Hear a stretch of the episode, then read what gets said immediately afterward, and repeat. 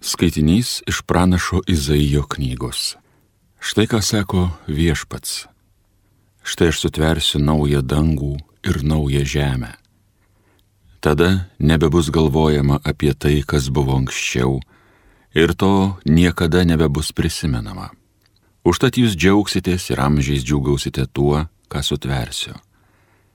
Jeruzalę paversiu į džiaugsmo miestą ir jos gyventojus į džiaugsmo tautą aš pats džiūgausiu dėl Jeruzalės ir džiaugsiuos savoje tauta. Ten nieka daugiau nebebus girdėti verksmo ir dėjonės. Tenai neatsiras tokio kūdikio, kuris tik nedaugel dienų te gyventų. Nebus ten senelio, kuris nesulauktų giliausios senatvės. Kas mirtų kaip šimtametis, bus tebe laikomas jauno. Kas šimto metų dar nesulauktų, bus laikomas prakeikto. Jie statysis namus ir gyvens juose, sodins vynogynus ir naudosis jų vaisiais. Tai Dievo žodis.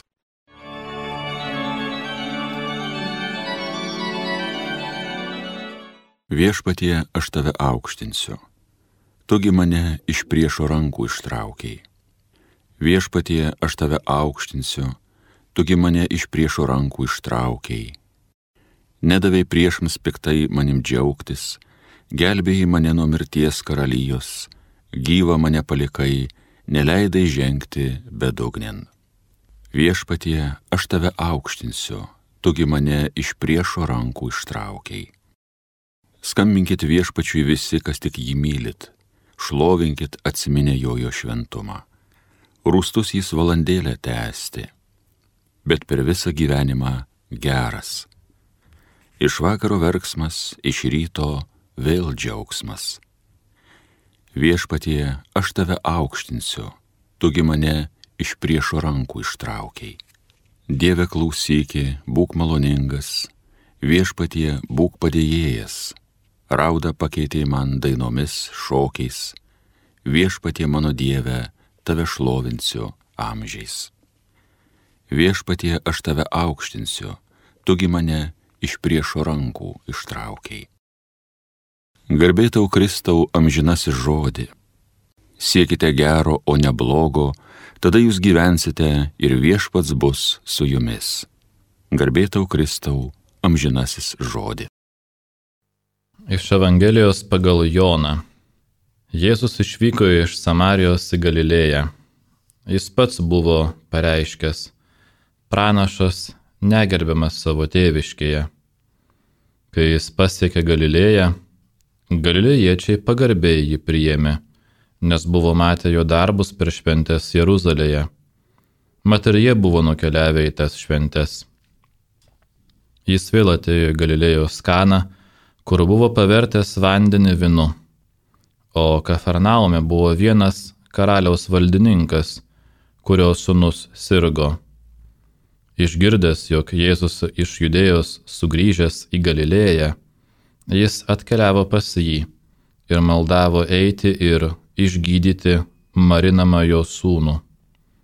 Jėzus jam atsakė, kol nepamatysite ženklų ir stebuklų, jūs netikėsite.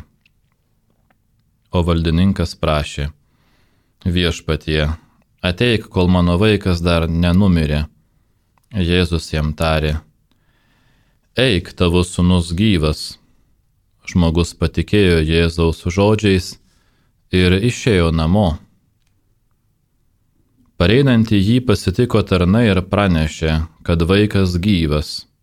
Jis pasiteiravo, kurią valandą sūnui pasidarė geriau. Jie atsakė, vakar apie septintą valandą atslūgo jam karštis. Taip tėvas patyrė, kad tai buvo ta valanda, kada Jėzus pasakė jam, tavo sunus gyvas. Ir įtikėjo jis pats ir visi jo namai. Tai buvo antras ženklas, kurį Jėzus padarė sugrįžęs iš judėjos į Galilėją.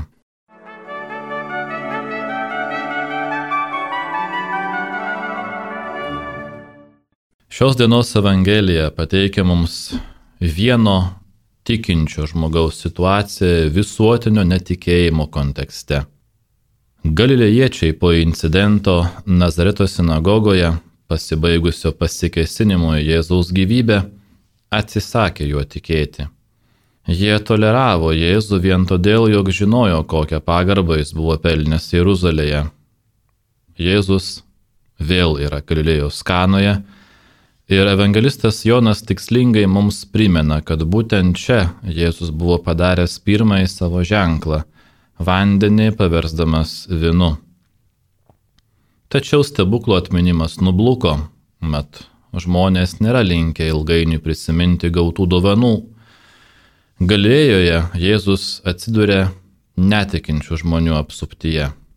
Tačiau šioje netikėjimo jūroje atsiranda kažkas, kas Jėzumi tiki. Tai buvo karaliaus valdininkas iš Kafarnaumo, kuris paliko savo mirštantį sūnų tam, kad surastų Jėzų ir maldautų jį leistis į saliginai ilgą kelionę, pagydyti jos sūnaus. Kol nepamatysite ženklų ir stebuklų, jūs netikėsite, atsako jam Jėzus. Susirūpinęs tėvas net nemėgina įtikinėti Jėzų, kad juo tiki. Jis tiesiog elgesi kaip tikintis žmogus ir pakartoja savo maldavimą. Viešpatie, ateik, kol mano vaikas dar nenumirė. Tačiau Jėzus nepaklūsta valdininko prašymui taip, kaip jis to pageidauja. Jei šis tėvas nebūtų buvęs tikinčių žmogumi, galėtų savo pamanyti, kad Jėzus tiesiog nori juo atsikratyti. Eik tavo sunus gyvas. Keliauk namo vienas be manęs.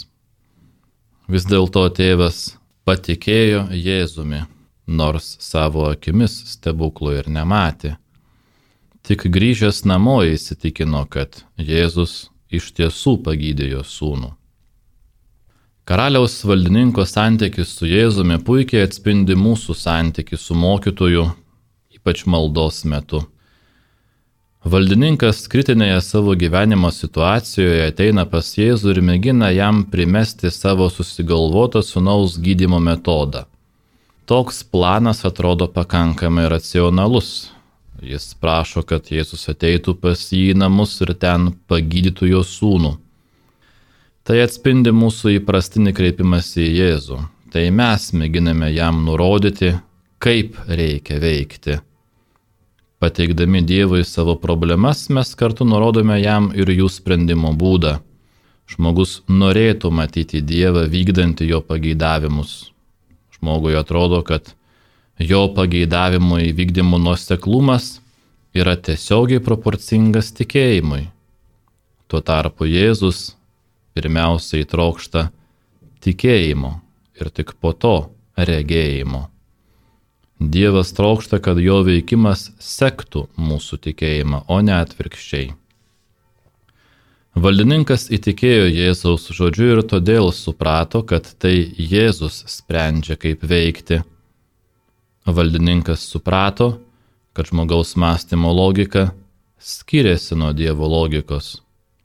Jėzus trokšta, kad jo ženklai patvirtintų žmogaus tikėjimą, bet ne jį žadintų. Jis siekia, kad ženklai išplauktų iš tikėjimo, o ne atvirkščiai. Kirilas Aleksandrėtis teigia, kad Jėzaus padarytas stebuklas turėjo dvigubas pasiekmes. Sūnui suteikė sveikatą, o tėvui tikėjimą. Pasitaiko, jog vieno žmogaus lyga kitą žmogų atveda į tikėjimą. Tai liudyja, kad net ir iš tokio blogio kaip lyga Dievas sugeba išvesti dar didesnį gėrį, apdovanoti žmogų tikėjimo malonę. Lemiančių valdininko tikėjimo momentu buvo pasitikėjimas Jėzaus žodžiu. Tikėjimas gimsta iš klausimo, o ne iš sensacijų vaikymosi. Gilinimasis į amžiną Jėzaus žodį užrašytą šventajame rašte turėtų tapti mūsų tikėjimo atspirties tašku. Krikščionių gyvenimas paremtas Dievo žodžiu randa savo išraišką konkrečiuose veiksmuose. Konkretus sprendimai ir veiksmai liudyja mūsų tikėjimą. Valdininko tikėjimas davė pradžią visos jo šeimos tikėjimui Supratęs, kad pirmiausia jis pats turi įtikėti Jėzų, o nereikalauti ženklų, jo tikėjimas davė vaisių. Jis paliudijo apie Jėzų ir patraukė prie jo savo artimuosius. Gyventi Dievo žodžiu - tai liudyti apie Jėzų savo šeimoje, savo artimųjų tarpe. Mūsų stiprus tikėjimas gali tapti tikėjimo grūdų kitiems. Iš autentiškos tikėjimo patirties gimsta liudijimas, kuris skatina atsiversti abejojančius.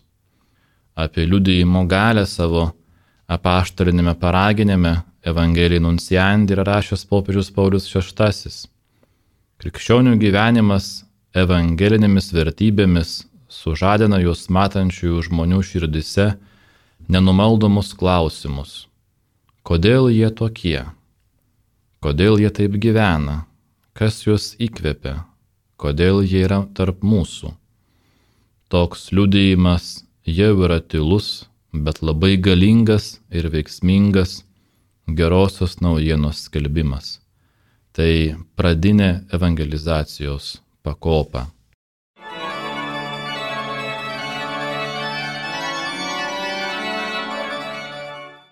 Homilija sakė kunigas Vladimir Solovėjai.